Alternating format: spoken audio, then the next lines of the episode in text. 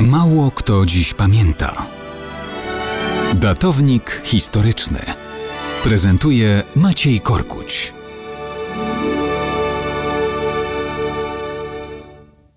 Mało kto dziś pamięta o kapralu podchorążym Armii Krajowej Kazimierzu Głaszce, pseudonim Ryś, który 9 czerwca 1944 roku oddał życie w walce z Niemcami. Oddał, ale Niemcom wystawił też za to poważny rachunek.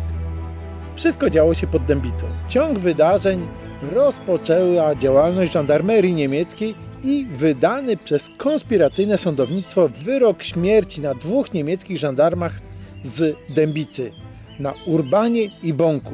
Maj 1944 roku. Dwie grupy bojowe AK w gotowości czekają na informacje o pojawieniu się w mieście obu typów.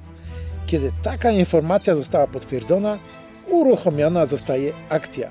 Problem w tym, że tylko początkowo obaj żandarmi jadą dorożką, zaraz potem się rozdzielają. Żandarma Bąka, Armia Krajowa, dorwała pod stacją kolejową. Został zabity z pistoletu maszynowego. Urbana przy tym nie było, więc uszedł z życiem. Kiedy zaczyna się czerwiec, polowanie na niego trwa. Wreszcie AK otrzymuje informację, że udaje się Urban motocyklem w stronę Pilzna.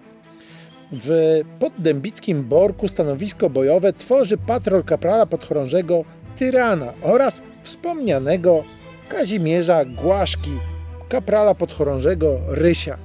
Pech chciał, że przypadkiem w lesie obaj natykają się na patrol żandarmerii niemieckiej. Rozpoczyna się strzelanina, w trakcie której Ryś zostaje niestety ciężko ranny. Nie może uciekać, wie, że nie ma szans. Jednak postanawia oddać życie, wystawiając Niemcom wysoki rachunek. Trzyma w ręku obok głowy odbezpieczony granat. Wie, że żandarmi po niego przyjdą. Kiedy pojawiają się tuż nad nim, puszcza łyżkę granatu. Następuje eksplozja. Sam ginie, ale w ten sposób zabija również dwóch żandarmów, a trzeciego rani.